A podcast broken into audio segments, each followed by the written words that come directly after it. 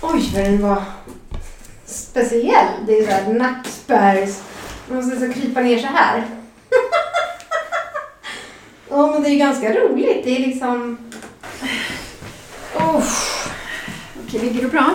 Ja, jag måste nog skjuta ner lite. Jag ska trycka på störa i här Gud, också. jag sätter på flygplansläge. Ja, eller hur? Det här känns ju väldigt... Ja. Ja, men okej, men eh, okej. Nina, debutåret ja. för dig. Hur känner du inför det? Alltså jag känner mig redan utbränd och det har inte ens någonting med boken att göra. Men Ja. precis, så du har alltså jobbat som daglig stödjare, vad heter det, boendestödjare varje Ja. dag hela jullovet? Ja.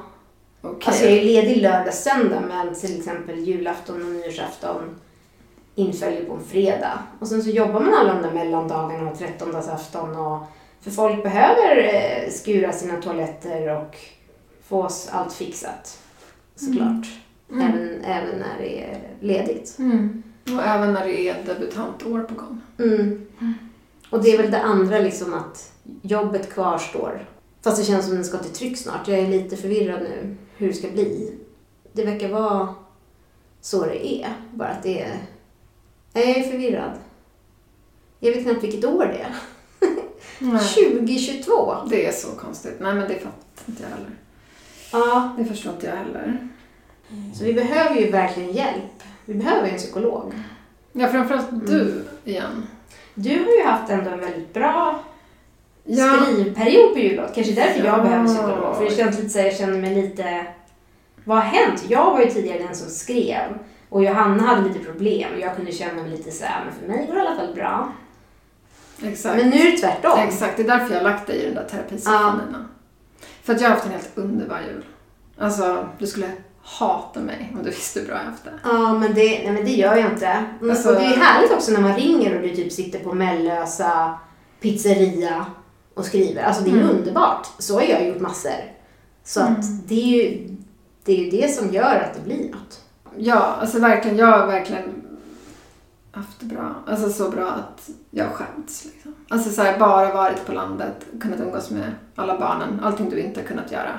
Och sen haft skrivtid för mig själv. Mm. Alltså efter att jag dessutom har skitit i att skriva i en, två veckor och bara umgåtts med familjen. Mm. Jo men ja, Så, det är ju helt rätt. mm.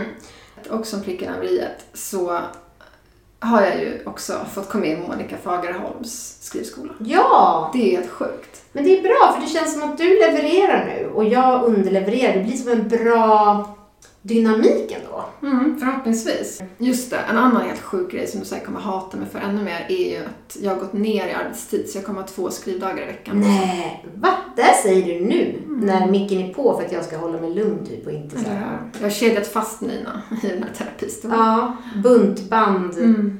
Okej, ja men vilka dagar blir det? Jag kommer skriva måndagar och tisdagar. På riktigt? Mm. Så Och sen jobbar du onsdag, torsdag, fredag 9 till 5? Mm, då kommer jag jobba 8 till 17. Okej, Mm. ja. Ja, jag fattar. Ja, men jag får ju ändå... Jag kan ju njuta lite av du ändå måste vara på plats åtta. Ja. Jag vet inte. Men det är skönt att någon tycker känns bra i det här. Ja, det Ska jag här. hämta din terapeut? Så Ja. kan du ligga kvar här i lugn. Ja. Mm. Klarar du dig? Ja. Mm.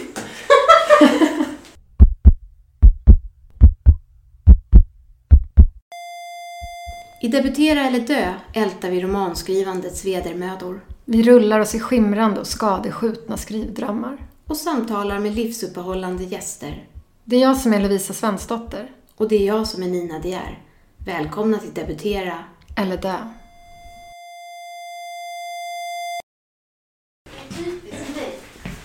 Okej. Ja, självklart. Det är superbra.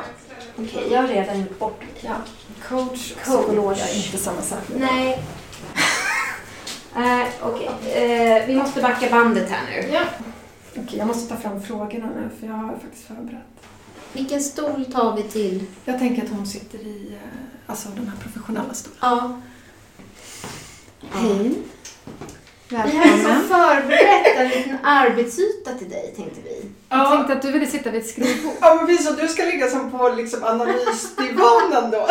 Jag förstår att vi verkar helt eh, naiva och fattar noll. Ja, men hur är Ja. läget med er?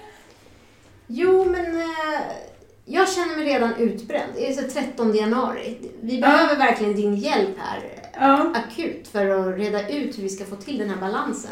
Kan inte du läsa den här fantastiska titeln Nina? Smartare, smalare, snyggare, rikare. Precis. Av vår psykolog idag, Gudrun Furumark.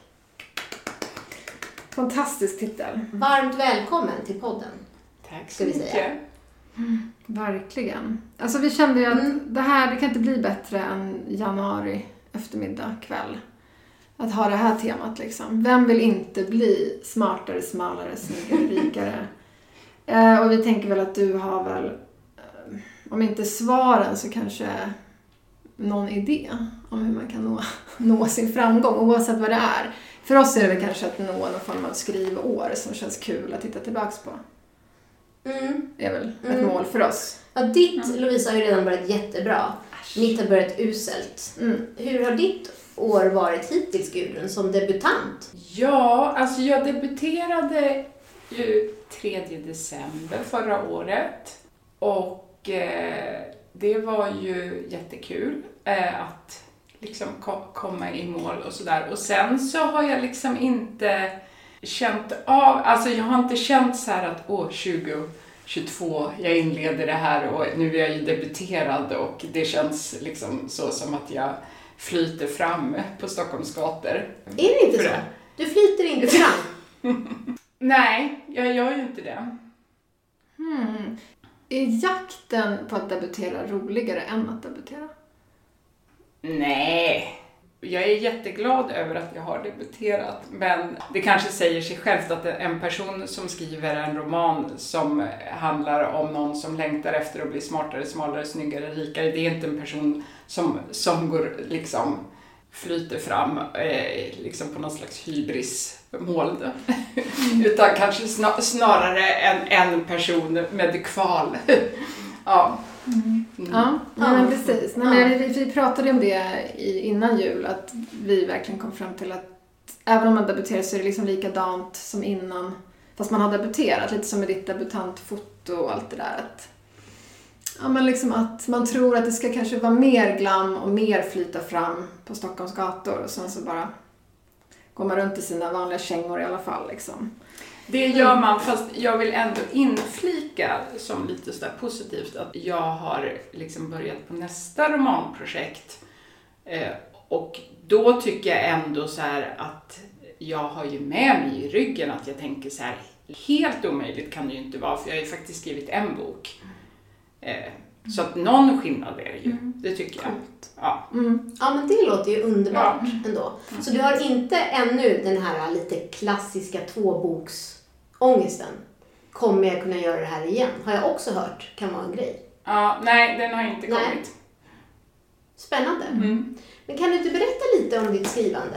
Smartare, smalare, snyggare, rikare handlar ju om Sara som kommer från Norrköping Mm. och ska börja på Östra Real. Mm, precis. Eh, Och det är 1991. Ja, så det är en, en bok som utspelar sig för 30 år sedan då. Och Eh, ja, vad ska jag berätta om mitt skrivande? Nej men eh, att jag är en, en långsam skrivare. Det har tagit typ sju år att bli klar med den här boken. Eh, jag har ganska lätt för att få idéer men eh, jag skriver, ja men jag måste ändra mycket jag har inte sånt som jag liksom kan få för mig ibland då. Att andra har, att det, liksom, att det finns ett språk som liksom bara kommer och sen bara eh, putsar man lite och sen är det klart. Utan det har varit liksom en väldigt så här, sö- sökande process. Och även efter att jag blev antagen så jättemycket omarbetningar.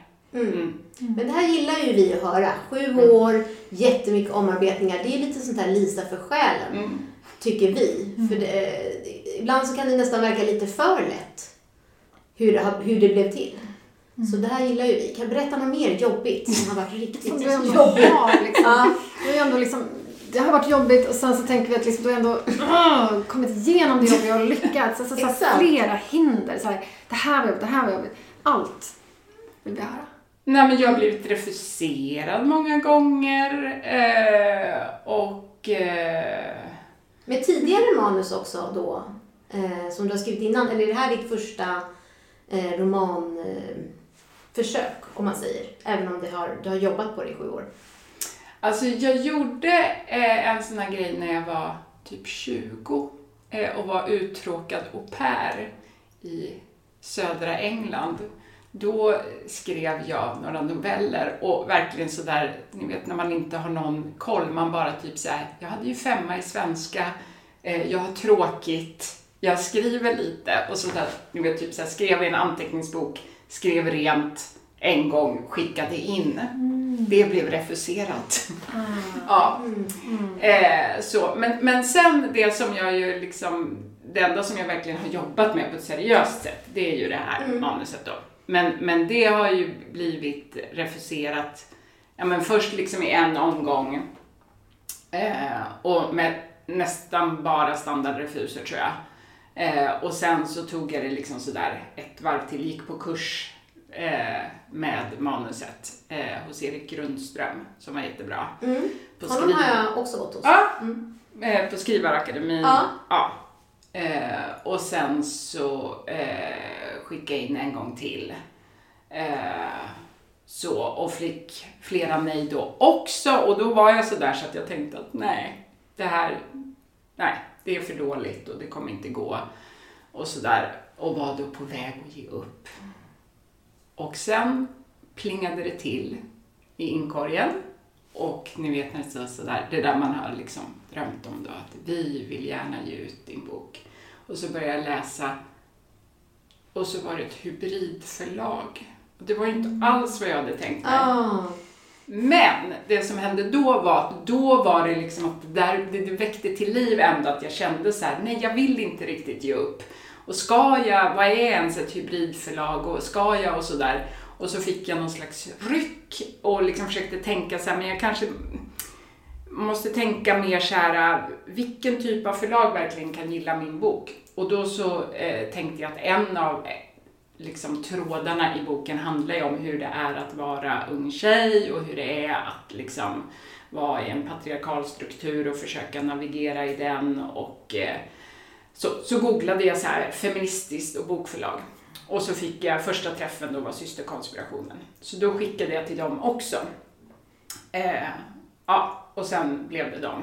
Och där någonstans så var jag ju också så här lite mot min vanliga person, lite fräckare eller än vad jag brukar vara. För jag skrev ju till dem också sådär att ja, och det är ett annat förlag som är intresserat. Jag sa ju inte att det var ett hybridförlag. Ah. Ja, och då har ju de berättat sen att det också var så att de blev lite snabbare på att läsa och sådär. Ja, det där är bra tips. Alltså det här har vi två bra tips. Alltså Mm. dels kolla så specifikt förlag för det man skriver och sen hitta på att någon annan är intresserad. Mm. Svinbra. Ja, jag vill betona att det var ju inte en lögn, lögn, men det var ju Nej. inte hela sanningen. Nej. Men har ni pratat ut om det sen eller har det bara aldrig kommit upp? Ehm, pratat ut dem har vi ju kanske inte, men jag. Ja. men jag har ju sagt att det var ett hybridförlag. Ja. Det hoppas jag. Annars förlåt Sara och Agnes ifall ni hör det här och känner er lurade. Ja, alltså du är bland vänner här. Jag har alltid hållit på och jobbat och sagt så här typ Norstedts intresserade till Bonniers och sen har det ofta, varit att jag haft kontakt med förläggare på Ja. båda. Men jag kanske har överdrivit lite hur pass intresserade de var kontra om de sa ja det här var ju bra, du kanske Mm. behöver skriva om det. Ja. Så försöker man hotta upp Ja, efterfrågan helt ja. enkelt. Tycker du att det har funkat då?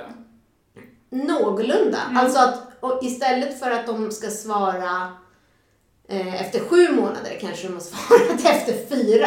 Alltså det är inte jättesnabbt i på de här stora tröga förlagen.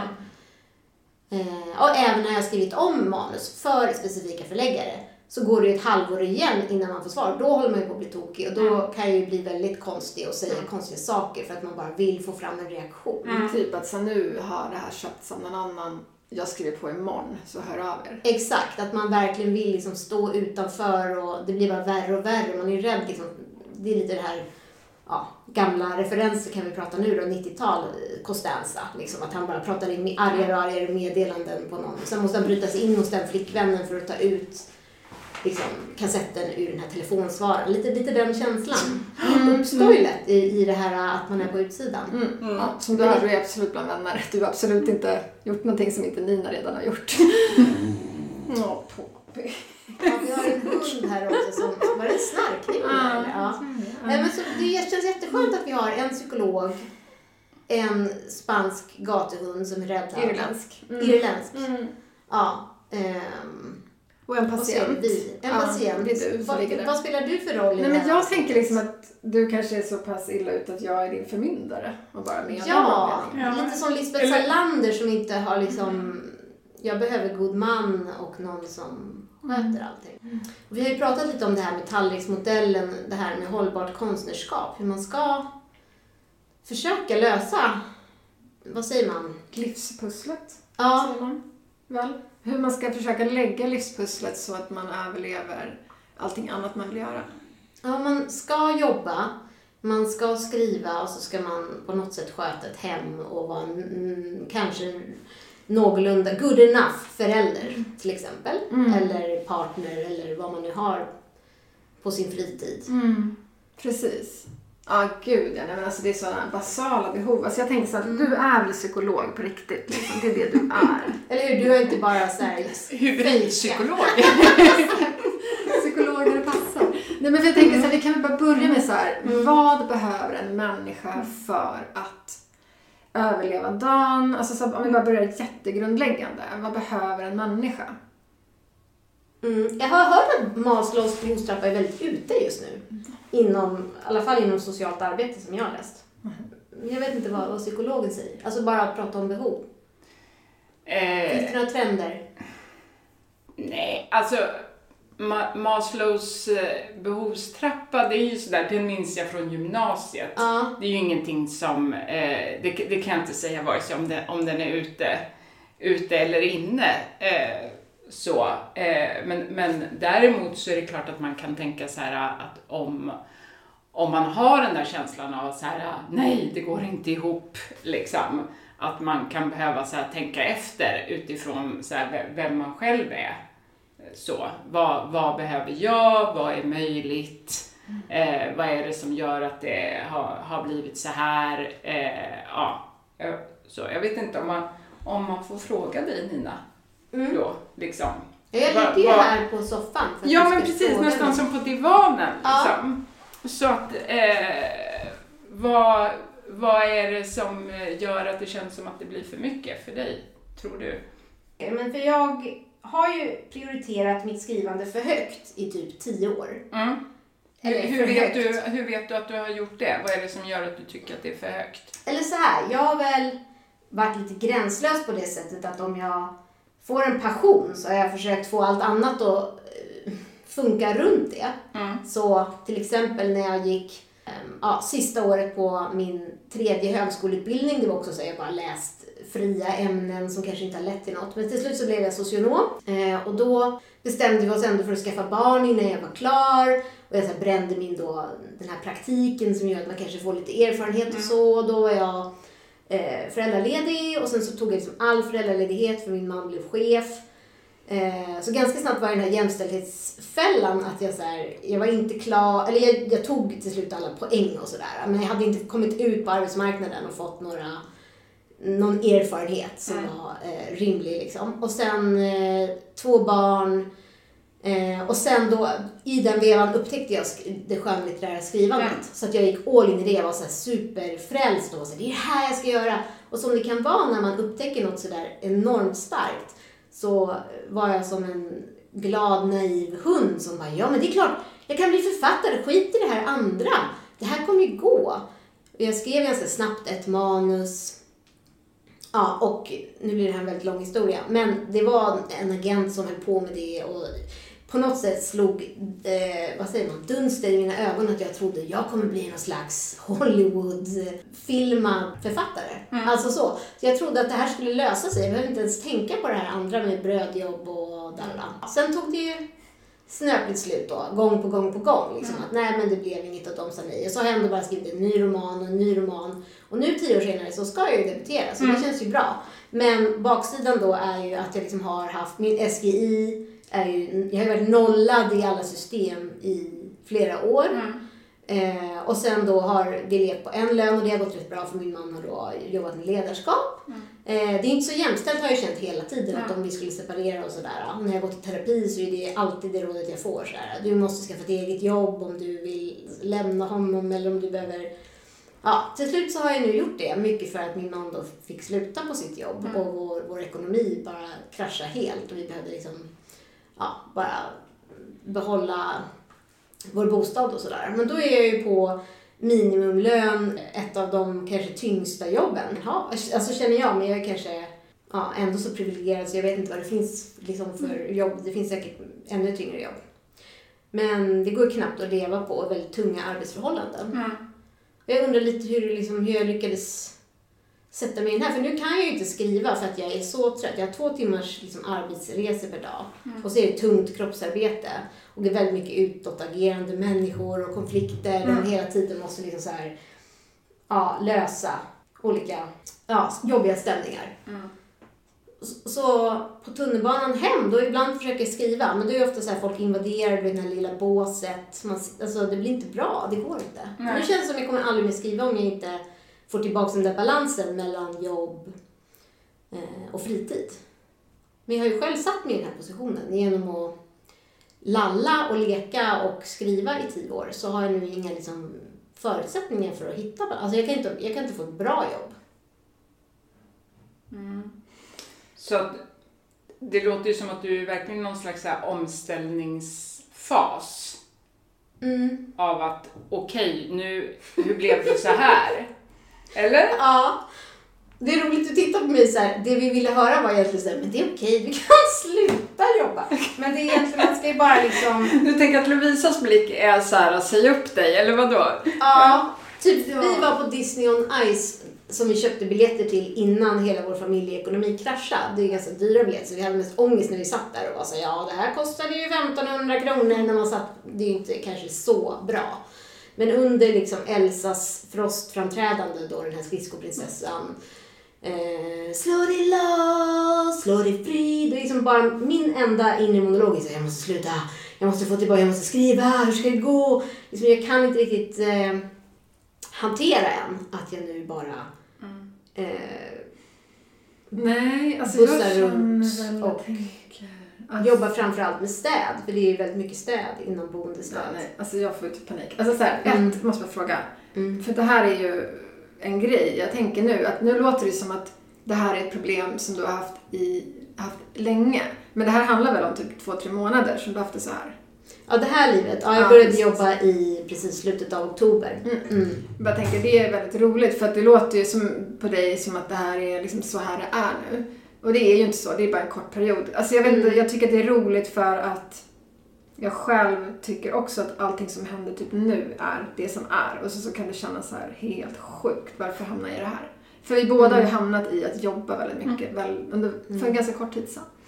Men i alla fall, men sen Ja. tänker jag också när du säger, när du Mm. säger omställningsfas, Mm. där får jag ju typ panik. Alltså betyder det att här, Nina ska ha det nu? Acceptans, Är det är det det acceptans? vi jobbar med? Eller är det liksom en omställningsfas i att, vad betyder en omställningsfas?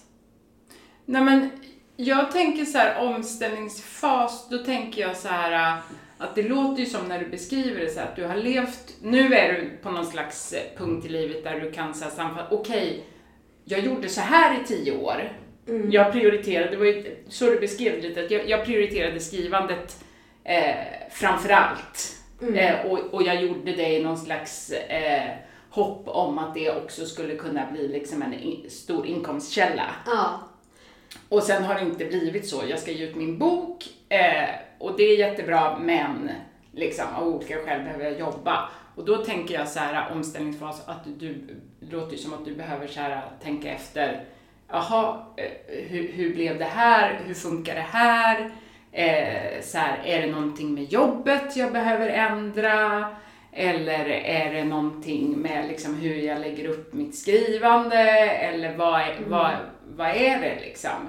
Jag tänker så här, eh, för lite som när du säger så Lovisa också, att, att eh, det där med att det, det man är i nu, att det kan kännas som att så har det varit för alltid.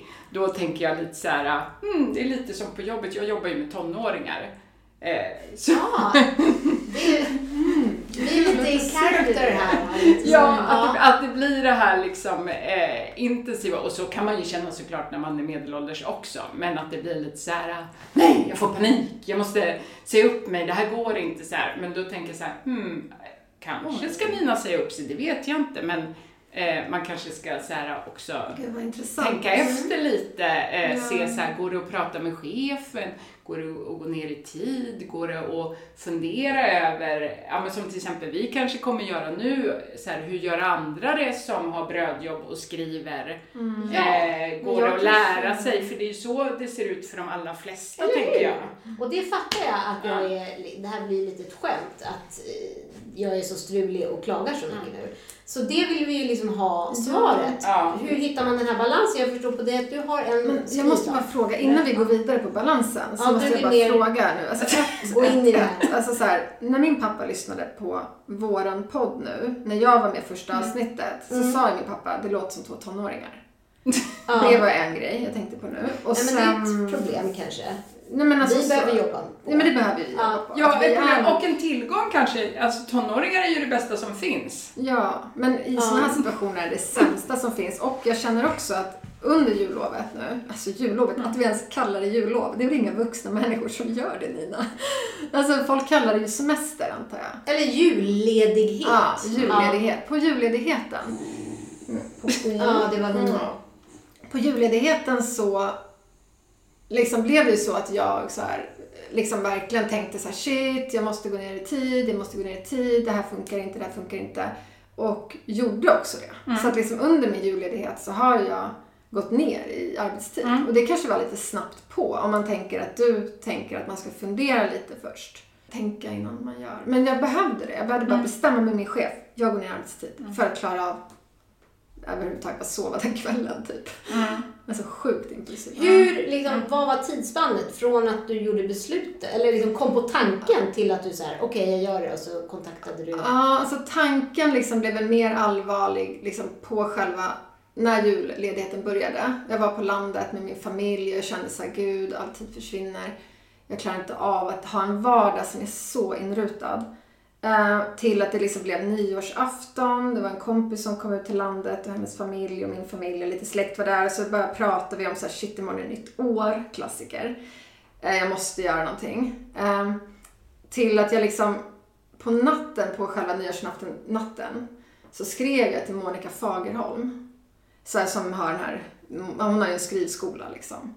Eh, Så hej kan jag inte få börja? Mm. Och sen när jag vaknade typ så här på morgonen, då hade hon redan svarat ja du får börja, jag har en plats Mm. kvar. Och då, när jag hade fått det mejlet, då hörde jag av mig typ till min chef. Den dagen. Mm. Liksom. Så det går ju väldigt snabbt. Men då kände jag också, eftersom jag kom med Monikas hemliga skrivskola, så kände jag också nu har jag en, en anledning till att gå ner i arbetstid. Det är inte bara för mitt egna skrivande, vilket det såklart är, utan jag går också till skola. Vad härligt. Mm. Så. Ja. Men så Men det är klart att det låter ju lite som, det är ju lite så här känslostyrt beteende att bara nej jag får panik, det går inte, jag mejlar Monica Fagerholm. Ja, jag Ja. vet. Det är så... Ja, men, men Känslostyrt beteende, det här behöver vi tänka på. Ja, och Mm. om jag ska vara lite sådär eh, besvärlig psykolog, Ja. för man tänker de bästa psykologerna, tänker ofta, de är ju både lite så här varma och snälla, men kanske också lite eh, där och rotar. Ja, Så tänker jag ju Nina, att som så här trogen debutera eller dö-lyssnare, det är inte så att under de här föregående avsnitten innan du började jobba, att det har låtit som att du har känt dig jättenöjd.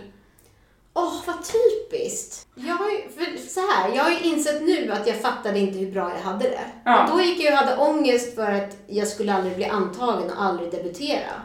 Och nu när jag ska debutera så har mitt skrivande liv tagit slut. Det är så jag uppfattar det. Och att det är över. Det är kul att jag får släppa den här boken. Ja. Men okej, så men- jag, har helt, hela, jag har varit ångestfylld hela tiden under de här fem åren som jag, i alla fall jag har deltagit i den här podden. Och tänker Det- du då att hon alltid kommer vara det? Att hon är en sån person? Eh, alltså, eh, det, det Nina tror lite jag att jag är rätt person att svara på. Det tror jag att Nina vet bäst Ja. själv. Okej. Men så att det är inte liksom att få sluta jobba som är lösningen här? Det, det kanske är en del av lösningen. Eh, Mm. det, vet, det vet jag inte, men, men eh, spontant när man hör dig beskriva eh, så tänker man ju dels så här att ja, det är klart så att man måste ha en inkomst. Ja. Eh, och så, och att eh, då, då gäller det att hitta någon slags förutsättningar där man kan få det på ett sätt som känns meningsfullt. Även om man blir trött av det så, men som känns meningsfullt. Eh, och liksom, eh, ja, positivt och sen liksom försöka ja, justera den där balansen så att du får lite möjlighet att skriva också. Kanske inte bara lite möjlighet då, men liksom, ja. Och sen att du kanske lite så här tålamod, var lite snäll mot dig själv, att du har ju också, tänker jag, slitit som ett djur med eh, att få första manuset antaget. Som inte ens var ditt första då, utan du har skrivit flera. Mm. Så att jag tänker att du kanske inte är... Alltså, du måste ge dig lite cred också. För att du har gjort... Det är en jätteprestation och sen har du gått in i det här som är liksom ett tufft, krävande jobb.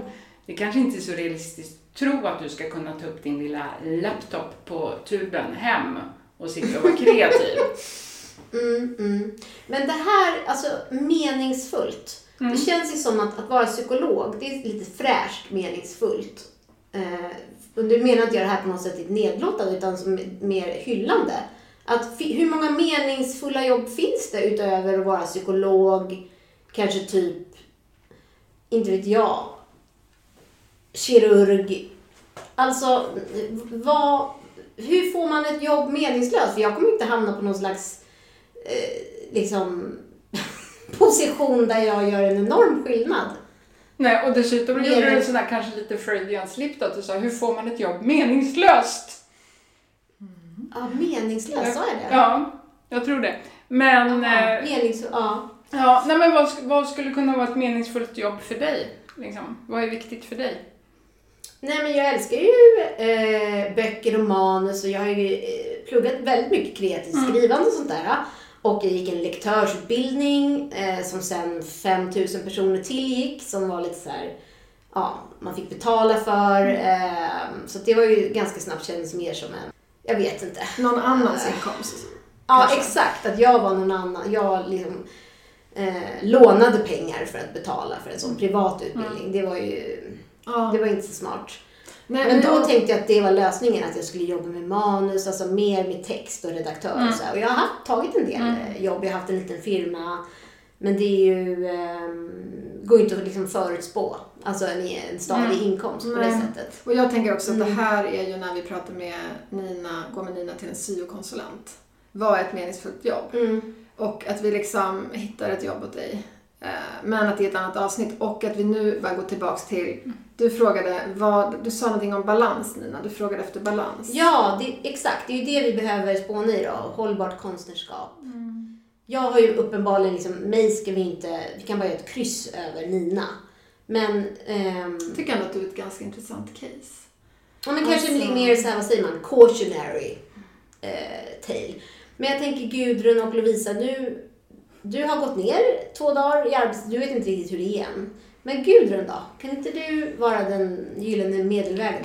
Hur fungerar ditt livspussel? Ja, nu tänker jag som en så här typisk psykolog att när, det, plötsligt när vi ska prata om mig då blir det plötsligt lite svårare. Men eh, ja, alltså jag är ju eh, jätteglad för att jag har ju jobbat, inte riktigt heltid, jag har haft lite så här eh, förkortad arbetstid för, men mer så här för att hinna med ungarna. Men, men annars jobbat liksom ganska mycket parallellt med att jag har skrivit. Men nu så har jag då från och med den här veckan då att jag jobbar fyra dagar i veckan istället för fem och att det är liksom sagt att jag är tjänstledig för att skriva eh, en dag i veckan. Eh, så att då, apropå eh, din situation Nina, att det blir ju verkligen olika beroende på vad, vad man är van vid. För att för mig känns ju det som så här, oh, en hel dag i veckan. Så här. Ja. Eh, ja, eftersom jag inte är van vid det. Så, men det är klart att jag fattade ju det beslutet om att, att göra så utifrån att även jag ju kände så att det har slitit på mig att både, både jobba och med, även då om jag har ett fräscht jobb, så, så ett, ett ganska krävande jobb och eh, liksom det plus föräldraskap plus skrivande eh, att jag har- har varit trött. Så att jag behövde göra Mm. en förändring och att jag tänkte att jag hade möjlighet också. Ja, Så hur lång tid tog det för dig då att driva igenom i ditt inre och sen få ut det till dina chefer att jag vill gå ner i arbetstid? Alltså hur lång tid tog den processen för dig? Om jag tänker att för mig tog den tre dagar. Eller en vecka. Tre Ja. timmar. Ja. Ja, precis. Där har jag väl tänkt på något år kanske. Men, men då har jag haft en så inre bild av eh, att eh, jag skulle skriva klart boken först. Och sen eh, så håller jag också, jag är i slutfasen av min specialistutbildning och då så ska man skriva en uppsats. Eh, också, så då har jag liksom haft en bild av att så här, jag ska skriva klart boken, skriva klart uppsatsen, för då har jag liksom gjort mitt sådär för den där specialistutbildningen och sen ska jag be om att få gå ner i tid. Liksom. Men, men då märkte jag att det där med att skriva klart den där uppsatsen var mer komplicerat än vad jag trodde och jag kunde inte eh, vänta. Så på, ja, på det. Mm. Och hur såg det ut då när du liksom jobbade heltid och ändå skrev? Hur såg livet ut då?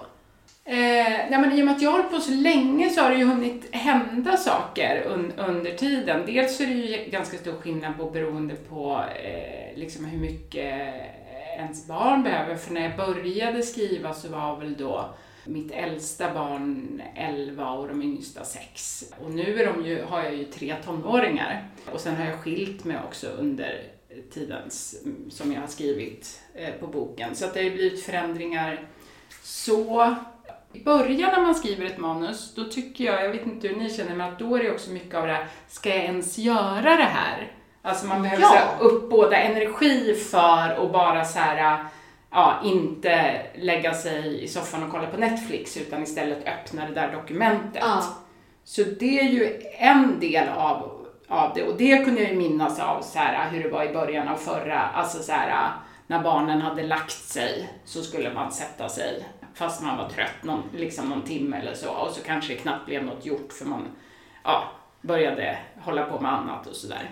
Eh, så det är ju en del av processen och sen nu mot slutet när jag har haft eh, kontrakt då har man ju, det blir ju en annan typ av press att man också Eh, ja, men då sätter man sig ju för att man måste att det finns andra personer som väntar på att man ska göra den där omarbetningen.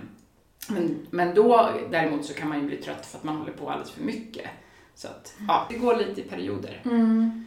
Beroende på både barn och manus, hur de Ja. utvecklas. Ja men precis, men jag tänker det här med att vi har liksom, är det 24 timmar på ett dygn nu då? Ja, vi börjar där. Ja. Ja. Ett balanserat konstnärskap. Mm. Och så i tid och timmar.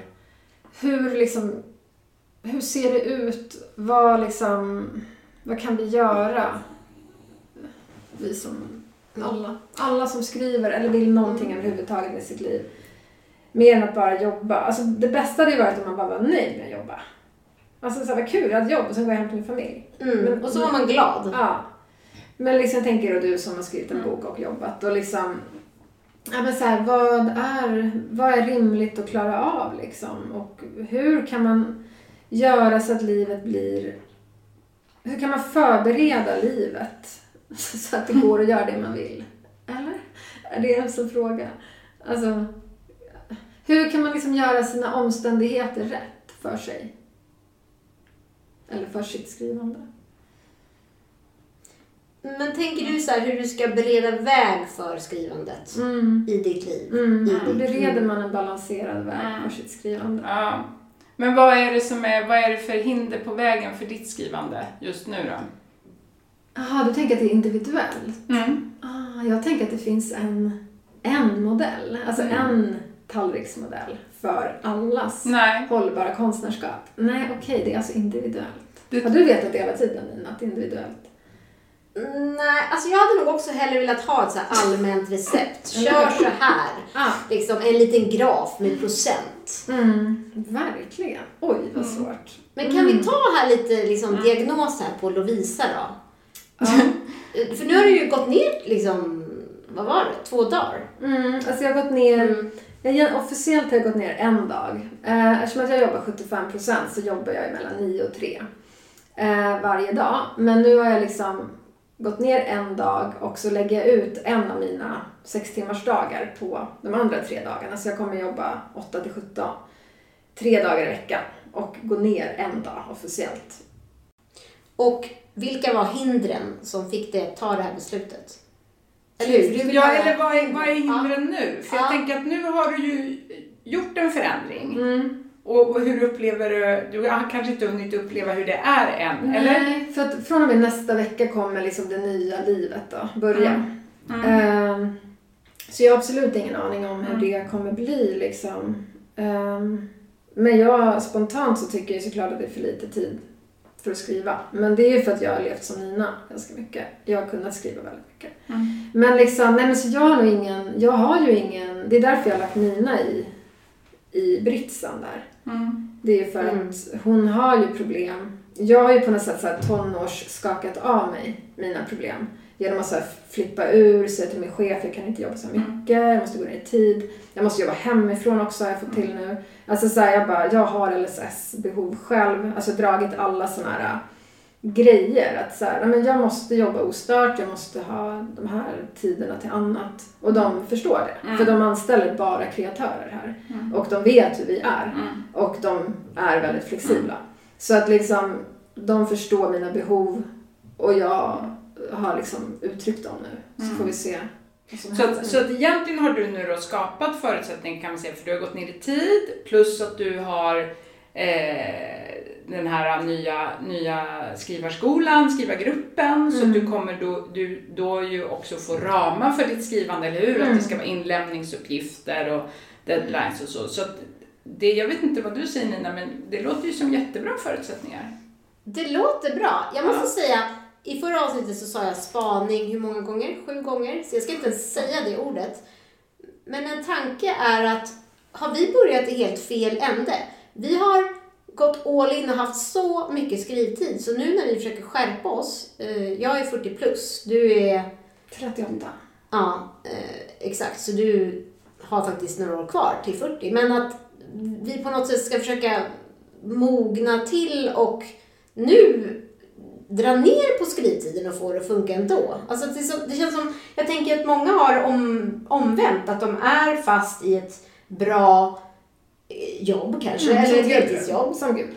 Jag har jobbat heltid, ett jätteintressant jobb, säger Gudrun. Nu har hon gått ner i tid och är jättetacksam för en dag i veckan skrivtid. Ja, och vi är helt otacksamma för att vi har liksom redan hållit på och utforskat det och, och vill inte nöja oss riktigt med att gå tillbaks. Eller hur går det? Jag vet inte. Nej. Kan man någonsin bli nöjd? När man har fått smaka på tid. Det är sjukt kanske. Ja. Ja, och, och faktiskt lite sådär att, att jag tänker att, att eh, ni, ni kanske inte var helt nöjda innan heller. Alltså jag tänker skrivande är ju eh, delvis ganska tufft. Ja, det är Eh, sant. Mm. Så, eh, och, och processen är ganska krävande och, och så, så att jag, jag tror inte att även om man har mycket tid så är det inte alltid så att man bara oh, eh, vad lätt det går eh, och sådär. Jag tänker faktiskt, men nu kanske jag låter jättehurtig då, men att jag, jag tänker här med att, att ha ett, ett jobb, eh, sen är det bra om man har ett jobb som man upplever liksom som meningsfullt och med drägliga arbetsvillkor och så, men det är också något bra med att ha ett jobb och vara förankrad i verkligheten, ingå i ett sammanhang, eh, vara i kontakt med andra människor, inte bara hålla på med sin kreativa process hela tiden. Eh, utan eh, ha lite av, av både och. Liksom. Nu ser, jag tycker du ser skeptisk ut Lovisa. Men, men, men jag, jag tänker att det kan vara bra för en som människa och, på sikt bra för skrivandet också. Ja, nej men absolut. Alltså jag ser Eh. inte skeptisk ut utan jag ser verkligen ut som att jag tänker att jag ser ut som att jag också tänker att du har rätt. Det är väldigt bra att vara förankrad i verkligheten och, och sen så känner jag mig också så ännu dummare för att jag har ju verkligen ett jättekreativt jobb Mm. eftersom att jag jobbar som eh, regissör på Mm. en daglig verksamhet inom LSS. Alltså jag, Mm. jag filmar ju varje dag och klipper ihop Mm. filmer om Mm. dem. Alltså jag är ju inte ens en riktig LSS-arbetare. Mm. Jag är ju en, vad är jag, någon slags mediaproducent. Liksom. Mm. Så att jag och Nina har ju helt olika Mm. jobb. Mm. Så jag bara sitter här och känner att på ett sätt är jag såklart förankrad i Mm. en verklighet, för jag jobbar ju på en daglig Mm. verksamhet och det är ju Mm. jättemycket allvar Mm. i det, men jag har ju ett väldigt lyxigt jobb Mm. på en daglig Mm. verksamhet dessutom. Plus att du har ju sagt att en daglig verksamhet är ju typ överklassjobbet inom LSS-kedjan. För att Ja, ja, som ja. boendestödjare är man längst ner typ. Och det är ju också hemskt. ja. Men då är man ju mer hjälpmotor eh, liksom i hemmet och med allt det här tråkiga som man har hemma själv också. Mm. Medan jag så jobbar med så här, ah, men den här personen vill testa det här och så gör vi det och så filmar jag det och så intervjuar jag den när den gör det och sen så blir det en film. Alltså så här, jag kan ju bara göra det roligt, eller jag får ju bara göra det roliga med dem. Det är lite mer roliga timmen tror jag i Mm. daglig verksamhet för att det ska också vara mer roligt och kravlöst.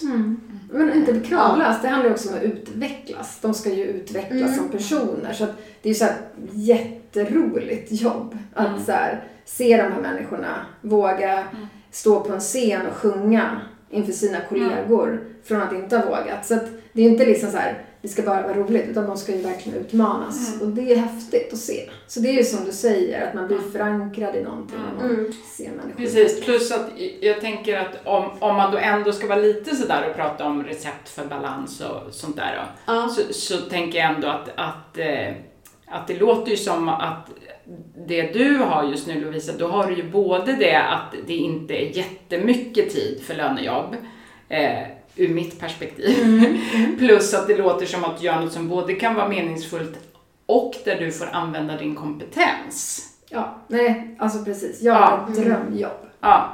Eh, och så känner jag ju också med mitt jobb. Mm. Eh, att jag gör något som, även om det kan vara jättesvårt eh, och, och så, så är det ju någonting som är meningsfullt och där jag får använda kompetens eh, som, som jag har.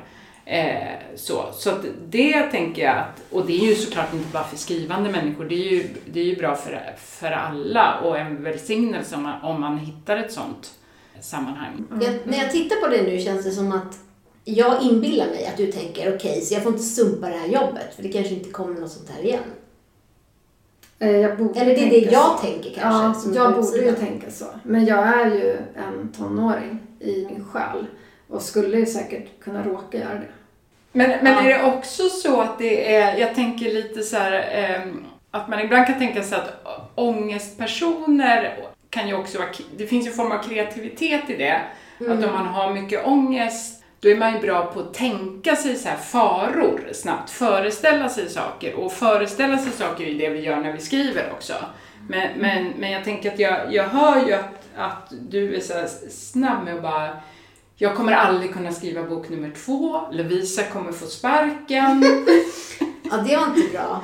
så här att, att eh, ja, det, det kanske hon får, men just nu är det så här liksom. Eh, det, det, det kanske räcker så. Ja, men det Eller? lät inte bra alls att jag tänkte så. Jag ber om ursäkt. Nej, men jag tänker Eh. också så. så jag Ja. trodde du menade oss båda. Men sen sa du att det bara var Nina som var ångestfri. Jag tänkte yes, gud vad skönt att höra. Nej, men jag är Ja. livrädd varje dag för att så här, jag vet inte. Ja, bara- men Nina läste ju tydligen av det helt rätt. Så att, Mm. mm. Och liksom, nej men precis, nej men Nej men alltså jag ska verkligen inte, jag ska försöka ligga lågt liksom Mm. nu. Utan det är vad jag måste göra det här året kanske, att det ligger lågt. Men så länge det funkar är det ju bra och då är det ju kul att ändå ha så tre dagar, två dagar. Så Mm. att under den tiden jag ändå får behålla jobbet Mm. så är det ju roligt att jag också kan skriva. Mm. Men det är sjukt girigt, jag hör ju det när jag säger det. Ja, men vi är väldigt giriga just nu. Mm. Jag tänker att det kanske är en, eh, en så här, eh, ja, men alltså- sak att växa in i under det här året. Ja, för jag tänker så att du är expert på tonåringar så jag bara känner så här, vill jag ha allt, inte anstränga sig? Alltså jag bara känner så här, är det det vi är kanske? Är vi två tonåringar? Ja, alltså, jag- har ju någon slags tes att man kan ju kanske fastna lite känslomässigt i ålder. Eller det har jag försökt skriva en del om Mm. också i min debut nu. Mm, Den handlar ju mycket om en alltså medelålders person som kanske hittar sig själv då, i medelåldern, Mm. men har varit helt låst och fast i ganska infantila beteenden. Mm. Och det är absolut, eh, har jag hämtat mycket från mig själv. Mm. Sen kan jag ju också medge att det är klart att man pratar om det här att jag är väl bra på comic relief, då, då kan man ju överdriva och skämta om det. Jag har ju ändå Mm. eh, glädjeämnen och eh, ja, Mm. många saker att leva för så att det inte det bara är helt nattsvart nu. Mm. Säger Nina liggandes på en divan. Ja, exakt. Eh, Men jag känner att jag vill tillägga det. Mm. Ja, men det är jättebra. Men Ja, jag tänker men- också, förlåt, på Mm. din bok. Alltså bara smartare, smalare, snyggare, rikare. Den handlar väl om en tonåring? Absolut. Ja, så Mm. men vi är ju i rätt... Ni är rätt... Och du ja. kan ju allt om Vilken det expert. Du jobbar med det, du skriver om det. Mm. Alltså hur gör man om man har fastnat i tonårslivet och vad är en tonåring? Alltså kan vi bara gå igenom begreppen? Ja, alltså hur man har fastnat i tonårslivet, det stöter man ju på en del, kanske som man kan tycka har. Eh, så, men det är ju i sånt fall i privatlivet för min del, för professionellt så jobbar jag ju bara med, med jag jobbar inte med vuxna, eller jag har bara gjort det lite grann. Eh, så, men, men eh, jag, om jag tänker på det så som vi pratar nu, då kanske man kan tänk, skulle kunna tänka så här lite att vad är det jag har liksom kvar från tonårstiden som är positivt? Ja, det Vad är det jag vill värna? Till exempel kan jag tänka om mig själv att det att jag har skrivit den här boken, det är ju eh, absolut så, något som i tonåriga jag skulle ha älskat att få veta att jag skulle göra. Alltså jag tänker att det är något eh, för mig att jag har skrivit den här boken, det är ju dels såklart att jag tycker om att skriva, men det är också absolut någon sån där väldigt tonårsaktig eh, längtan efter att få vara en kreativ person och att bli liksom bekräftad i det och få uppmärksamhet och eh, liksom också i skrivandet att man får hitta på, man får ta ut svängarna och man är fri och man kan liksom, alltså det finns ju allt möjligt av det där tonåriga som är positivt. Och det tänker jag att det finns när jag lyssnar på er två eh, också, att det finns så här jättemycket kraft i er och mycket humor och mycket så här, eh, liksom, även om ni, det kanske Nina ligger och är lite trött, men att det, det finns någon jätteenergi där också ju. Ja, Ja. men absolut. Och att du har liksom, eh, kanske då lite så här tonårsaktigt, bara jag ska, jag ska debutera. så här. Men, det, men det har ju varit bra. Ja, den naiviteten har ju ändå spelat Ja. ut väl fast det tog Ja. tio år och inte så här tre månader som vi Ja. trodde. Precis, men Mm. det tog sju för dig. Och du har typ varit en stabil människa under tiden. Och du Det har jag inte sagt. Ja, nej. nej, det är sant. Nu hittar jag på. Mm. Mm. Nej, okej, men Mm. dippar då Gudrun? Ungefär. Vad, vad, vad har, har du haft för dippar då? I det här? Tvivel? Eller? Nej men dels såklart är det ju dippar när man blir refuserad. Eh, jag vet inte om ni kan leva er in i det alls, men ja. Eh, nej men det, det såklart har ju varit, det är ju jättetufft, särskilt de första på något sätt kanske, om man har haft någon sån här naiv, kanske lite tonårsaktig, fast man vet att det är jätte, jättesvårt att bli antagen och sådär, så finns det någon del av en som bara men jag är ju ändå, jag och mitt manus är ändå ganska speciella, eller? Så bara, nej. Så, ja, så att eh, det har varit tufft. Och sen eh, tyckte jag också, även om jag har haft ett jättebra samarbete med mitt förlag och gillar dem supermycket, så är det klart att det är att det tog så lång tid från att jag blev antagen till att vi var liksom nöjda med, med hade ett färdigt manus. Vi höll ju på ett och ett halvt år typ. Eh, så där hade jag ju en del stunder av att bara, nej, nu liksom, snart kommer de lösa mig från kontraktet och liksom ge upp och ja, de tycker nog de, att det är för dåligt ändå. Och, ja. Mm. Tufft. Vad gjorde du då för att komma förbi de här dipparna upp igen liksom? Det är bara att jobba på. Mm, och då bara jobba på. Alltså, Konkret, vad tänkte du? Vad åt du? Sov du bra? Vad tog du? Eh, nej men faktiskt, det kan ju låta sådär förenklat att det bara är att, att jobba på, men, men jag eh, tänker ju det eh, och så också att det går inte att tänka bort sina känslor och att så då intala sig att jo men de tycker nog visst att manuset är bra eller bla bla bla, hålla på och dividera så mycket med sig själv. Utan mer, jag är mer för att liksom då, alltså lite självvalidera, alltså det vill säga då att, att bekräfta sig själv i att okej, nu känner jag så här igen, det är inte så konstigt för det är ganska jobbigt att skriva om man lämnar ut sig själv. Och jag har fått kommentarer en gång till, eh, jag känner så, men jag går inte in i känslostyrt beteende, det vill säga typ eh, slänger datorn i, i väggen och går ut och tar en bläcka eller så, utan eh, jag eh, öppnar upp mitt dokument och jobbar. Wow. Du självvaliderar. Mm. Men har du aldrig, eh, ja, alltså slängt den i väggen och tagit en bläcka? Alltså har du den, du kan alltid jobba dig igenom de här känslostyrda Nej, men det är klart eh, att... ruscherna eller vad man säger. Nej, men... Jag tror att jag har, eh, ibland så har det nog varit, så till exempel om jag har fått så här mycket kommentarer eh, i manuset, att då har jag liksom eh, eh, tittat och sen så bara, liksom fått någon så här rysning och så bara, nej, nu går jag och gör ett annat ett tag. Alltså att det behöver gå lite tid, eh, så innan jag tar upp det igen. Eh, så. Eh, Okej, så din så här, mörkaste stund är att du låter det gå lite, ta lite tid. Ja, jag låter ju superpräktig. men jag kan faktiskt men, erkänna att jag har inte heller någon så superdestruktiv relation till, ehm, till motgångar. Alltså så här, utan jag kämpar mig också igenom det. Och de få gånger som jag liksom försöker få lite så här pepp utifrån så är det ofta så här från min man eller något så här av barnen. Så ah, det känns så här med mitt skrivande och eftersom att de skiter fullständigt i mitt skrivande allihop så är det som att man, då måste man ändå peppa sig själv hela vägen. Så att, alltså, då blir man ju också väldigt bra på att äga det. För att hade jag haft så här en man som bara Åh, vad tråkigt att det känns jobbigt i din skrivprocess. Vad tråkigt, ska vi göra någonting? Då hade man ju så här kunnat gått in i det och tyckt det var lite mysigt att säga ja, nu är det lite synd om mig i min skrivprocess. Men när man aldrig får den, den liksom, det hemifrån eller från någonstans, då är det så här, då är det bara att hålla sig över ytan fast man kan själv. Och då blir man ju som du. Så okej, jag självvaliderar, eller vad det nu kallas, jag har aldrig sagt det ordet förut. Men så här, jag kör på. Jag gör min grej och jag pausar kanske lite möjligen eller så bara öppnar jag dokumentet och kör. Mm. För det är det man har. Så jag kan ju liksom, jag är med dig där, att man öser på.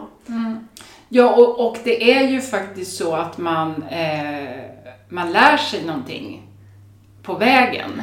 För om man nu inte är liksom ett geni, så, så att man då, det, det bara blir så himla bra med en gång, så är man ju jätteberoende. Det man har är ju liksom sittfläsk, eh, pannben och en förmåga att så här, eh, göra om och att ta emot feedback eller att lära sig av sina misstag liksom. Eh, så att man, ja, och, och ju mer man håller på desto mer tycker jag att vänjer man sig ju vid eh, och ta emot synpunkter också. Eh, tycker, eller jag vet inte, vad tycker ni? Mm, nej men absolut, Ja. alltså man blir ju starkare och starkare. Så det är som att så här, ryggraden blir, eller det här inre, pff, man har, musklerna, alltså blir ju starkare och starkare för varje år som går av skrivande. Man blir liksom stärkt av erfarenheten att man har klarat till exempel kanske en refus eller man har klarat en, en jobbig, jobbig feedback och man har överlevt det, jobbat sig igenom det. Alltså ju mer sådana här saker man har klarat av, desto fetare känner man sig. Och det är så här, det är till slut det vi har. Och det är väl det som blir Ja men som du sa i början av ditt skrivande, då var det så här, men ska jag ens öppna dokumentet? Ska jag ens sätta mig med den här timmen? Men när man som har kommit en bit, några år och hållit på med de här vinsterna av att man har klarat många motgångar så till slut kan man ju inte något annat än att öppna dokumentet för att man är också fast. För att man har, det är det man gör. Till slut blir det hela ens liv. Och man har ju också en erfarenhet av att när jag öppnar dokumentet och så håller på ett tag så kanske jag också kommer på någonting. Precis. Och det ger mig den där kicken. Eh, så. Mm. så ja, att, visst. ja. Vad säger du Nina? Ja, alltså jag funderade på... eh, Så här, jag tänkte just nu, det här med att alltid öppna sitt dokument. Mm. Eh, nu kanske jag ställer den här frågan för att jag inte har så mycket skrivtid, men kan man göra det sämre? Alltså, finns det tider då också där man kanske behöver alltså, återhämta sig och inte bara så här, kötta igenom och ja, tröska Just Absolut. i det här. Det, det tror jag. Bra, Mm. bra fråga Nina. För det är ju verkligen en grej vi funderat mycket på. Alltså, med den här um, tallriksmodellen, det här med återhämtning. Alltså Mm. vad är Mm. det? Behövs det? Och vad ska vi göra när vi återhämtar oss? Och ja, allt. Mm. Vad säger allt? Nej men jag tänker att, att till exempel låter det som det där lite, ja men, som du försöker med då, när du egentligen är helt slut, till och med slut i kroppen liksom av jobbet och ska sitta på tunnelbanan hem och ta upp.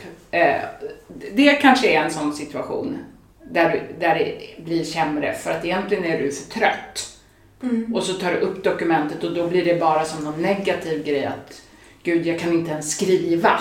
Ja, du har helt rätt i det. Ja. Mm, mm. Eh, Så då kanske det är bättre att tänka så här, åh, jag vet inte hur lång, tid, hur lång resväg har du? Du sa en timme va? Ja, en timme dit och en timme hem. Ja, Mm. då kanske det är bättre att tänka så här, eh, det är en tid när jag ägnar mig åt eh, dels kanske så här, återhämtning, kanske typ lyssna på någon ljudbok eller jag kanske lyssnar på typ eh, någon så här skriv eller litteraturpodd på ena vägen så att jag ändå så är i kontakt med mitt intresse men jag behöver inte prestera eller liksom eh, så.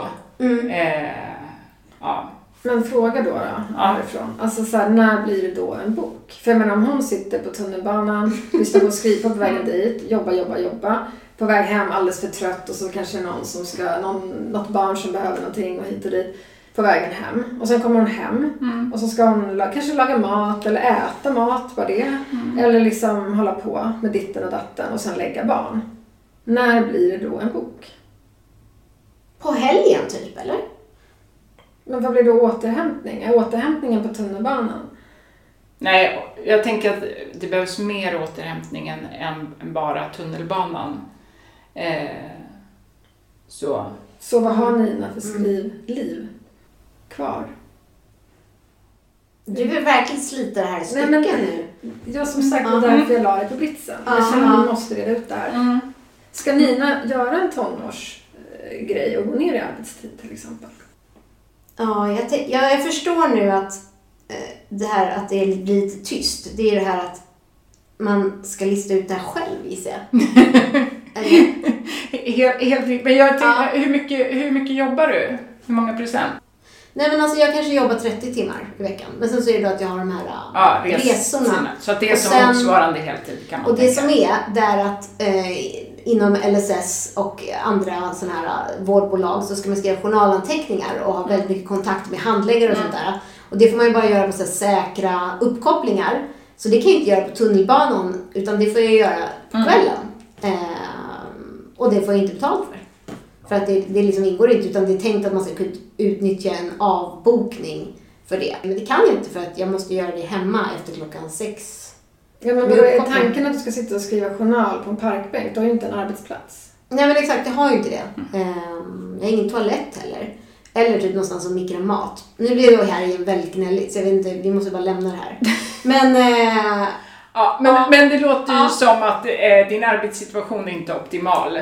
Eh, bortsett känns- från skrivandet. Så att det är ju någonting ja, att fundera över, liksom, vad, vad du ska göra åt den. Men, Mm. men sen annars om man tänker mer så allmänt, hur, hur gör folk som, som jobbar och har barn och eh, skriver böcker? Då kan man väl säga det så här, ja, det kan ta sju år. Som för mig. Ja. Men sen är det ju det man har. Det är ju kvällar, helger, morgnar eh, och så får man ju liksom beroende på om man är liksom morgon eller kvällsmänniska och hur ens familjesituation ser ut och eh, allt sånt där. Eh, fundera över liksom när kan det vara möjligt? Eh, och eh, eh, så. Mm. Ja, Och, men- eh, och då kan man ju tänka då, jag vet inte om, om man, om, för jag tänker att ni verkar ju vilja ha sådär lite handfast och inte, Ja. inte gilla när, när jag bara är tyst och lämnar över till er. Så det jag tänkte lite på inför att vi skulle prata idag är ju liksom eh, sådär att om man ska ha något bara sådär väldigt liksom basic att tänka på när man ska liksom lägga upp sådana här strategier. Och sätta upp mål eller liksom så, är ju att vi så här, inom KBT så brukar vi prata om så att man ska sätta upp då liksom smarta mål. Jag vet inte om ni känner Ja, igen men det? jag känner igen det. Ah. S-M-A-R-T-A, de står för olika saker. Ja, ja precis. Men jag vet inte vad de står för, men Ja, kul. Ja, och då handlar ju det om att, det- att det ska vara specifikt, mätbart, accepterat. Det betyder att personen som ska göra det ska själv tycka att det är bra. Liksom. Eh, realistiskt och tidsbegränsat. Mm. Kan vi ta dem Så- en gång till? Ja, specifikt, mätbart, eh, accepterat, realistiskt och tidsbegränsat. Så att om man skulle liksom sätta upp ett mål för ditt skrivande så som ditt liv ser ut just nu. Vad skulle det kunna vara? Liksom, vad har du tänkt Ja, men jag har tänkt att jag ska hitta någon liten timme då och då. Mm. Eh, Men det är väldigt nytt för mig att Ja. jag nog är van vid att så här, jag har ju haft lyxdagar där det är så här, första timmen händer ingenting. Alltså kanske att man, det tar sån tid att kanalisera den här kreativa kraften eller du vet att man skriver några meningar som man raderar, skriver några meningar. Ja, att eh, jag har en viss ställtid som jag nu måste lära mig att minimera. Om, det ska, om jag bara har en timme, då kan jag ju inte vaska den på att vara så här, åh nej men det här känns inte bra. Jag måste bara komma igång mycket Ja. snabbare. Och bara göra och, och någonting. då om man tänker då, no, någon timme då och då, vad skulle Mm. det kunna innebära? Om man tänker under en vecka för dig. När, när skulle det kunna vara? Ja, kanske någon, någon morgon. Men jag säger kanske, för jag är sjukt trött. Eh, Ja. Alltså jag är inte morgonpigg. Jag är så här ganska grinig. Ja, Liksom det blir lätt tjafs på morgonen för Ja. att, eh, ja. Ja. Till det här ska jag säga, i jämställdhetspusslet så åker min man nu mer till Holland. Typ ibland till och med två dagar i veckan och är borta. Där jag är själv och liksom snurrar den här med, Mm. Med barn och det är Mm. skola så nu får liksom det ena barnet hämta det andra barnet eh, och vara hemma några timmar själv och så här. Så det är lite svårare att få till det där lugna. Men, du, men, men vad är det som gör att du säger att det ska vara på, på morgonen fast, fast du är Nej, så trött? Och, Det är för att hon det- härmar mig. Hon är lite avundsjuk på att jag kan gå upp Ja. ja. över fem. Alltså jag är trött, så här är det, när jag kommer från jobbet och jag kommer hem då, eh, går av tunnelbanan halv sex, så tar det nästan eh, 20 minuter att gå hem. Ofta när det är så halt nu så kan man inte cykla. Och då när jag kommer hem då är barnen jättehungriga. Man ska, alltså så, då är jag också skittrött. Jag är hangry. Och sen när man väl har lagt dem och läst böcker, då är, då är det sista jag har kvar är Mm. sug. Så jag vet inte, kväll, morgon. Därför har jag tänkt tunnelbanan kanske är min enda... Jag, jag vet inte vad du Mm. säger eh, Lovisa, men jag tänker när, när jag hör det här så tänker jag så att om, om det är något som skulle vara möjligt så låter det ju som eh, på helgen. Helgen, ja. Men då är det så här, du vet, vara i skridskohallen från klockan 9 till 5. Alltså sådana här helt orimliga. Stå på Grimsta IP för att det är fotbollsturnering. Åtta matcher. Alltså det är väldigt mycket så här med barnens aktiviteter och sånt där som styr. Och det, där är det inte möjligt att sätta sig på, så på någon läktare med datorn. Sånt har ju jag gjort när barnen var yngre. Att jag Ja, suttit, det har det. Ja. Eh, eller typ så här om barnen skulle på kalas så har jag liksom så här typ eh, gått och bara lämnat in dem och sen satt mig på något fik med datorn istället för att eh, socialisera mig. Mm. Eller suttit på, ja men typ, ja, när min son tränade någon judo eller vad det var och så här suttit med datorn där och skrivit. Ja gud ja. Alltså, jag har ju suttit så här på, när barnen har tittat på så mello har jag ju suttit och skrivit samtidigt Mm. bredvid dem i soffan. Mm. Men alltså det jag tänker är ju att Alltså när du frågar vad tänker du Lovisa? Det är ju så men gud, säg upp det. Alltså det behöver tid. Alltså så här, jag kan inte se helgen, det är inte ens ett alternativ för mig. För att jag, inte, jag tänkte inte ens på det. Jag bara tänker på Jesus Christ, alltså det här funkar ju inte. Mm. Men det är ju tonåringen. Alltså jag, Ja, säger, jag vill vara för- tyst. För Ja, men jag, för jag tänker också så att det kanske är två olika saker. Att jag tänker att det finns en så lite större fråga som är typ så här, eh, din arbetssituation. Mm. Så här, funkar den ens? Går det att få till något bättre? Ska du söka annat jobb? Så. Eh, men just nu eh, så har du ju det här jobbet. Eh, och samtidigt låter det som lite så panikkänsla av att Mm. nej, jag, kommer, jag får aldrig skriva och jag, jag skulle vilja skriva. Så då tänker jag så här, gå- går det att hitta någonting, om man då är inne på det här, någonting så här, något litet som du ändå prövar. Och så får liksom den, den, sto, den stora roman nummer två, det, det får bli liksom lite senare. Just det, för det handlar Mm. inte om att liksom flippa ur i det man är i, utan liksom att i det man är försöka hitta det lilla möjliga. Ja men så tänker jag lite det möjligas konst och sen kan det finnas större frågor också.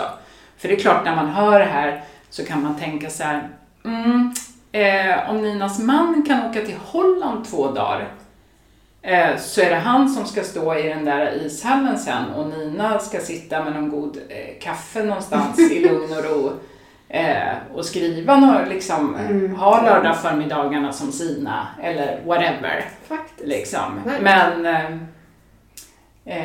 ja. Alltså det är ju då för att han är brödvinnare då som man säger. Så man hamnar ju mycket i sådana där hierarkier. Eh, just nu är jag lite på nivån så att jag försöker hitta värdighet i små, små tillfällen. Om jag har en kvarts rast och jag ska ta mig från en eh, tunnelbanestation i söderort till en annan och hinna in och det finns ingen toalett och jag ska så här hälla i med någon.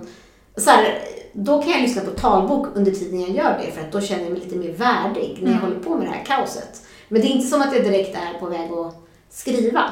Det är ett Nej. annat problem. Jag har ju tänkt så här, det här blir såklart min roman om att jobba på ett privat vårdbolag. Sen bara shit, jag har sekretess. Ingenting kan jag använda. Jo, men det kan du, herregud. Eller? Är jag tonåring nu? Det är klart man kan skriva om sina upplevelser oavsett vem eller vad man fått dem av. Det är Ja. Nej precis, det där det kan du lösa med lite konstnärlig frihet Aha. och ändra. Att man och ändrar så. liksom en hund till katt och mjölk till vin. Ja. Bara kodar om. Jag, jag Ja. känner inte att det är Ninas största problem just nu. Nej, nu precis. ska- Nu hamnar vi igen Ja. i så här framtida problem. Kan vi dra den där smarta på Nina? Alltså så här specifikt, mätbar. Ja, men jag försökte lite men jag tyckte att det, att det blev eh, lite... Mm, Ja. men hon är svår. Det är Alltså en vi svår måste patient. runda av också. Du som psykolog borde egentligen ha sagt så här, nu är vår tid ute för typ jättelänge sedan. Alltså jag hör redan så här, äh, ra, lyssnarna rasar kring det här. äh. Vilken vit privilegierad äh, bitch som gnäller om att hon måste jobba. Jag vet. Eh, jag lägger in det här som en eh, brasklapp, jag förstår detta. Men okej, vi- Mm. om vi släpper, vi släpper Nina på britsen då och bara tänker Mm. liksom ehm, som du själv liksom, Ja. som har jobbat heltid och skrivit liksom. Hur gjorde du? Hur körde du den smarta målgrejen på dig? Alltså för mig har en, en stor utmaning varit det här liksom med det sociala. Eh, att jag tycker att det är kul att träffa folk. Så att det har kunnat vara en sån grej att om man, om man bestämmer, ja men någon kompis hör av sig och man vill ses och sen så är det någon till som hör av sig och så plötsligt så har man inte tillräckligt med skrivtid.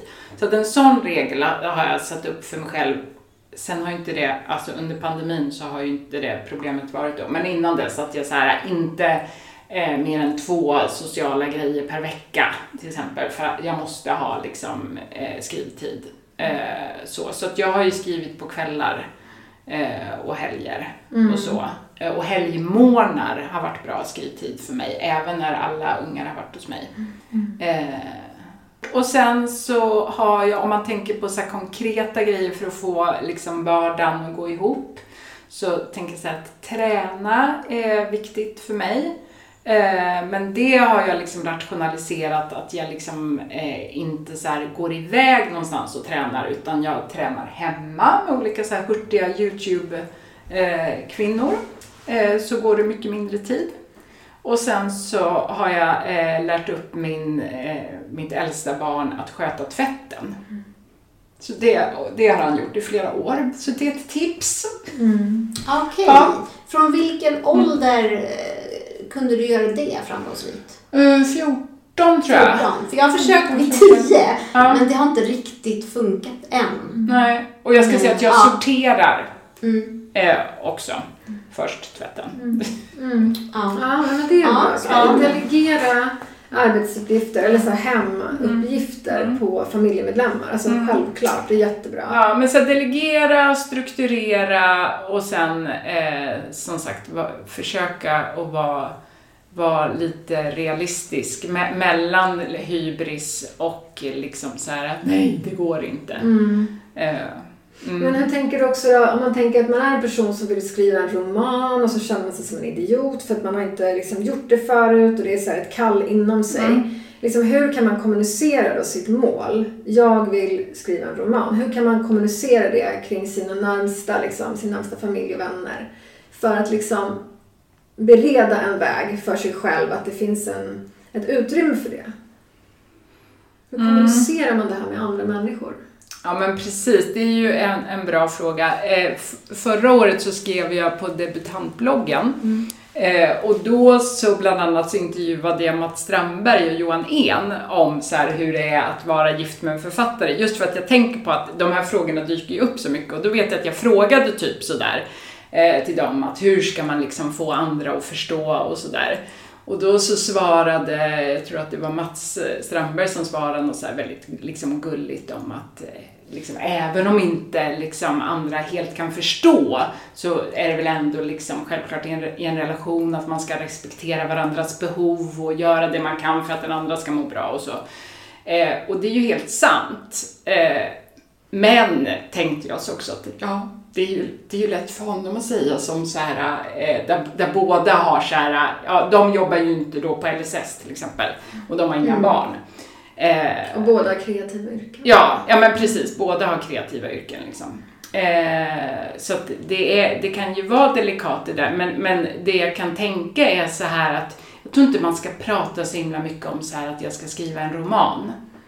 Eh, för att jag tror att man, att i och med att det är en sån eh, lång och oviss process, att man lätt kan då eh, göra kanske andra besvikna genom att så här, eh, man bara, ja men det är bara lite nu här och sen ska jag skicka in och sen ska jag bli då en eh, superförälder och jag ska betala tillbaka all den här tiden och eh, liksom så. Men, men utan jag tänker att, att mer så här, vara ganska så här konkret och verkligen så här, jag tycker om att skriva och det är viktigt för mig eh, och jag eh, funderar på eh, liksom, eh, vad skulle kunna funka. Att Eh, när Den här man- tiden, liksom om jag gör det här och sen så har ju du din, ja vad det nu är, din knyppling eller din, Mm. ma- din maratonträning eller så.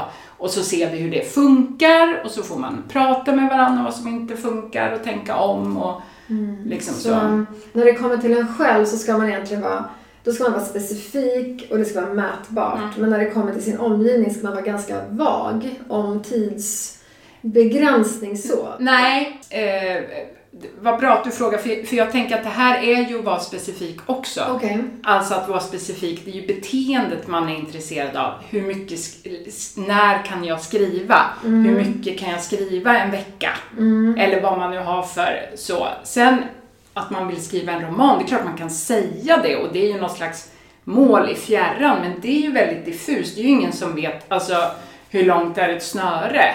Eh, när blir min roman klar? Mm. Ingen vet. Okej. Mm. Eh, utan mer liksom eh, det som är intressant för ens ja, partner då, om man har en sån, det är ju mer så här hur, vad betyder det här i vardagen? Liksom. Mm. Så det är också väldigt specifikt. Ja, Så men det vi- tänker jag. Att Mm. tydlighet är ju, är ju bra. Mm.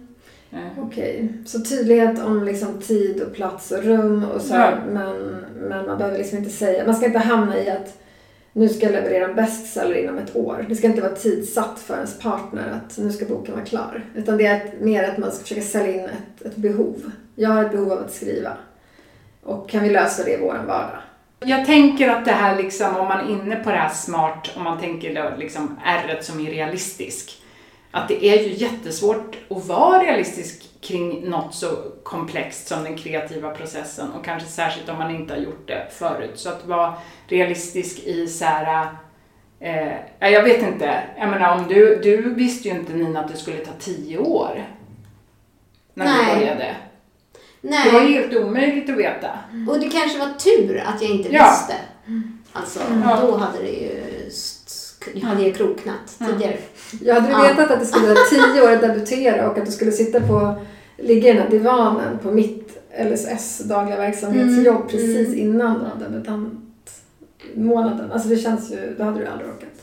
Ja, men det är tur att man inte vet. Eh, Men okej, så. Ja. Mm, när man då satt upp det här smarta målet. Mm. Eh, vilka är liksom de vanligaste falluckorna? Jag vet inte om det är liksom en fråga, men liksom vad... När man märker så här, jag har satt upp ett supersmart mål.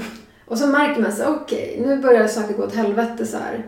Vad kan man liksom göra för att så här, snabbt identifiera att mitt mål börjar liksom hotas av min omgivning? Och vad kan man liksom göra? När märker man i sig själv att man är på hal is för att liksom inte hålla på att nå sitt mål? Mm, när man märker... Ja, för jag tänker att det där är ju, är ju lite som... Eller två olika dimensioner där. Du pratar dels om så här, hotas av sin omgivning. Intressant ord. Det är en stark känsla. Ja. Så här, nej, jag mitt skrivande får inte vara i fred. Och det säger något om hur viktigt det här kan vara för en ju. Ja, men då behöver man, det kan man ju märka, eller hur, kanske på att man blir så här allt mer irriterad på sin omgivning. Mm. Att man har liksom svårt att vara, kanske vara närvarande eh, i liksom det vardagliga för att man så här, eh, inte har fått vara i fred och göra sitt. Så att man liksom mentalt, liksom, tänker jag, kopplar bort eller sådär. Eller kanske att man börjar bli så här lite passivt aggressiv, kommer med olika pikar och, och sådär. Så man blir allt mer en dålig person. Man blir en dålig person liksom mer och mer. När man liksom blir störd i sina uppsatta mål. Ja, men om, man, om det är på det sättet att man tänker sig att omgivningen liksom blir någon slags hot, och då, då behöver man ju såklart eh, ja, fundera över vad, vad handlar det här om? Har jag, mitt smarta mål kanske inte var så smart, jag kanske inte var realistisk, jag kanske inte tänkte på så här att ett av mina barn har faktiskt ADHD och det tar alltid eh, 90 minuter för henne att komma till ro på kvällen. Och varannan kväll så är det jag som är där och gör det med henne. Så att det är inte realistiskt att det ska ta bara en halvtimme och sen ska jag skriva en timme. Alltså att man precis. behöver fundera, eller är det någonting som har förändrats? Det kanske är så att, eh, ja, eh, ens, ens partner kanske alltid är jättedeppig på vinterhalvåret och inte orkar lika mycket som vanligt. Eller Så så. att man ska liksom nu då inför nya året liksom, när vi ska göra våra smarta skrivmål så ska vi liksom ta höjd för att saker kan gå åt helvete lite grann. Alltså vi måste ta höjd för alla eventuella hinder.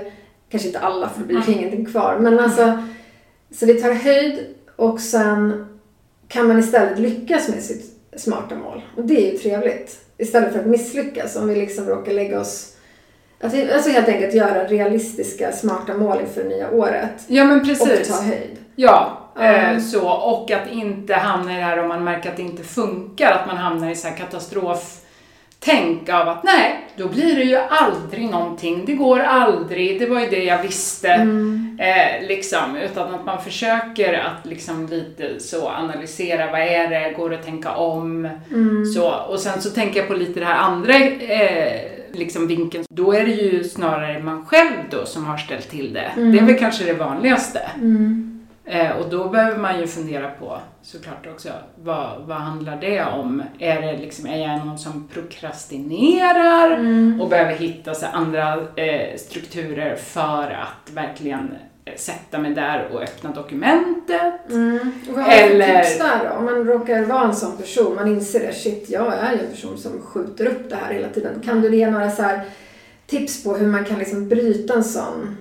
Alltså jag, jag tycker ju att, eh, eh, jag är ju så team Pomodoro. Eh, Ah. Ja.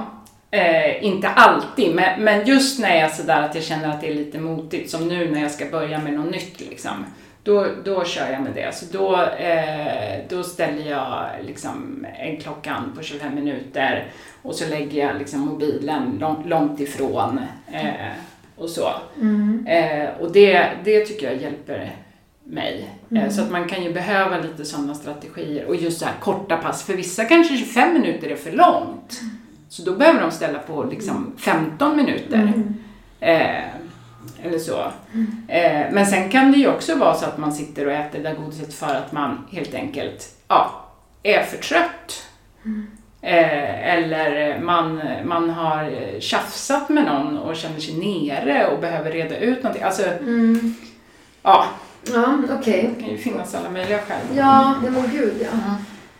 Men sen undrar jag också då, för vi, alltså jag tycker också då när man håller på och skriver och man gör det och liksom det här året skulle vara roligt att fira mer. Att man liksom också så här, ja ah, men verkligen, det här, det gick, Vi- jag skrev en timme idag eller eller jag skrev, eh, jag skrev fan en hel, jag debuterade i år. Eller liksom så här, vad som helst. Att, att så här, ibland kan det bli väldigt svårt att fira sitt skrivande. Eh, vad, liksom, vad kan man ge sig själv för att tillåta sig själv att fira och inte glömma bort de här stunderna. Som, eftersom att det är så individuellt så är det väldigt lätt att glömma bort det som faktiskt gått bra. Kan man liksom hjälpa sig själv där att så stanna upp och ta de här små, små festerna liksom och göra någonting av dem? Skrattar. arbetet. Det känns direkt som det är så här, tonåringarna vill ha mer fest och mindre allvar. Men jag, jag, jag, jag förstår Ja. vad du säger. Mm. Ja, nej men, eh, ja, men eh, absolut tänker jag så att man ska ju belöna sig själv eh, och att man kan göra det även fast man inte så har fått eh, liksom Nobelpriset. Utan bara för att man, ja, beroende på hur man nu är, om det är så här för att nu har jag faktiskt få till att sitta så här mycket eller om man är en sån som, jag vet vissa är ju mer så här räknar ord och sådär. Så.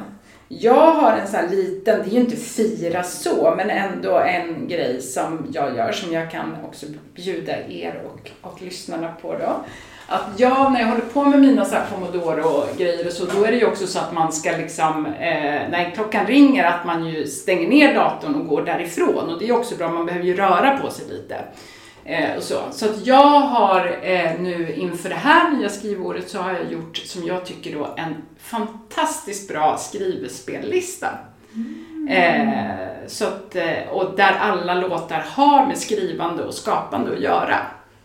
Eh, så det, det brukar jag så här, lyssna på och liksom jassa runt lite hemma och känna mig, ja vissa av dem är ju ganska dystra men vissa är ju mer uppåt. Så då kan jag känna mig lite sådär till, tillfälligt eh, fri och kreativ. Eh, så.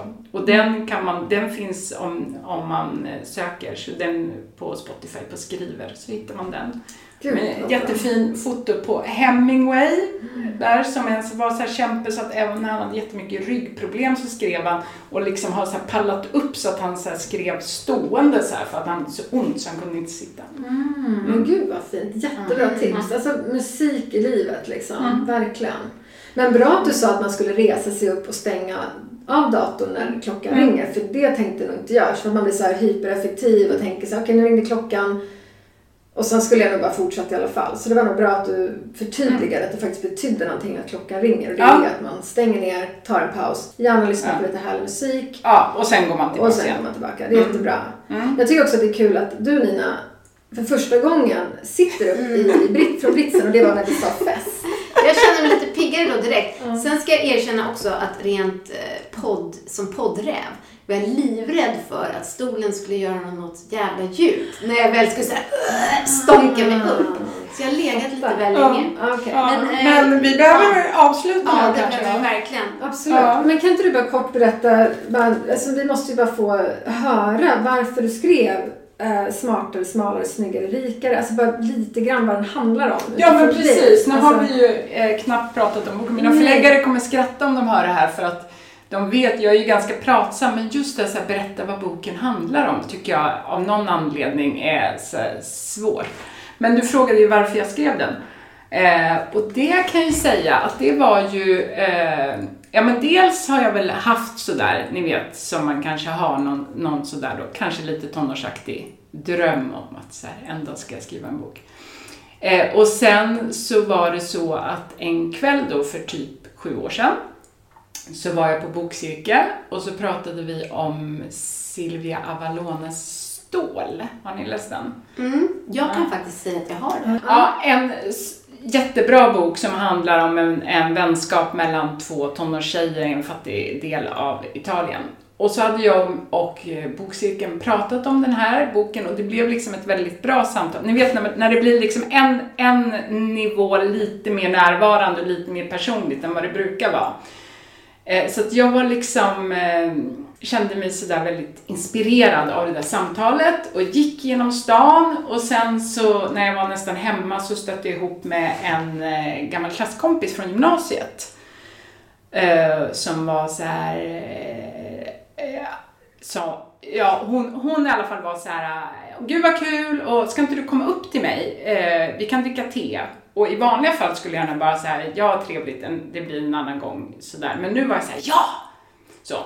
Och då gick vi upp och så pratade vi om alla möjliga saker och sen beskrev hon en, en grej eh, som hade hänt eh, när vi började eh, gymnasiet och det var en sån himla eh, bra på något sätt bild hon gav mig så att det blev första scenen i boken. Så då var jag såhär, nu vet jag, nu ska jag börja skriva och det ska börja så här. Mm. Wow. Så så var det. Wow, vad fint. Mm. Mm. Och hon, är Ylki Holago heter hon, hon är tackad i boken och hon är journalist och var så jättefin på min släppfest och höll så här, intervjuade mig mm. där. Vad mm. roligt. Så det var kul. Mm. Wow. wow. Så vilken tur att du gick upp och så tackade ja till mm. den där testunden. Ja men verkligen. Mm. Att du inte skulle få spinning eller något sånt där. Som... Mm. Hade förstått.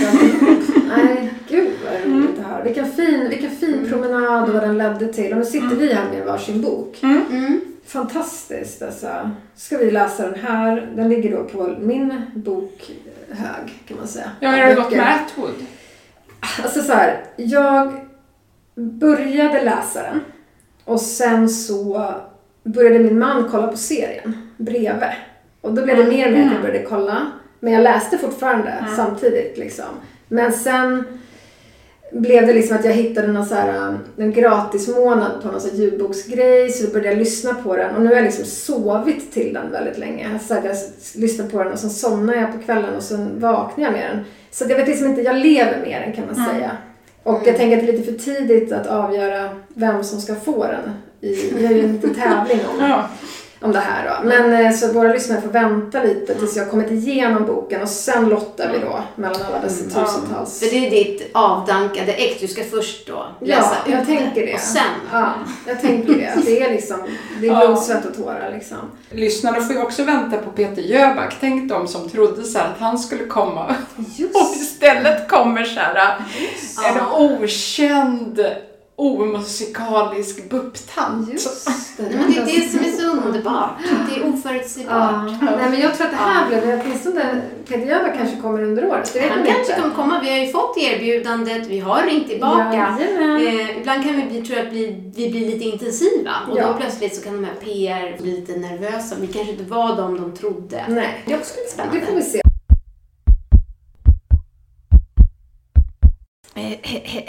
Okej. okay. Ingen press. Mm. Uh. Okay. No pressure, but your whole life. Tusen tack Gudrun Furumark, lägg psykolog och författare till debutromanen Smartare, smalare, snyggare, rikare. Och med de orden Slå dig loss, slå dig fri Den här tiden med musikrättigheter är förbi Slå dig loss, slå dig fri Det här är vår sorti Och nästa gång blir det ett förlag Så håll ut för det Ja, jag har kanske ingen eh, karriär framför mig som sångare. Det kan vi bara stryka från syokonsulentlistan. Tack för att ni stod ut. Nu köttar vi nytt skrivår.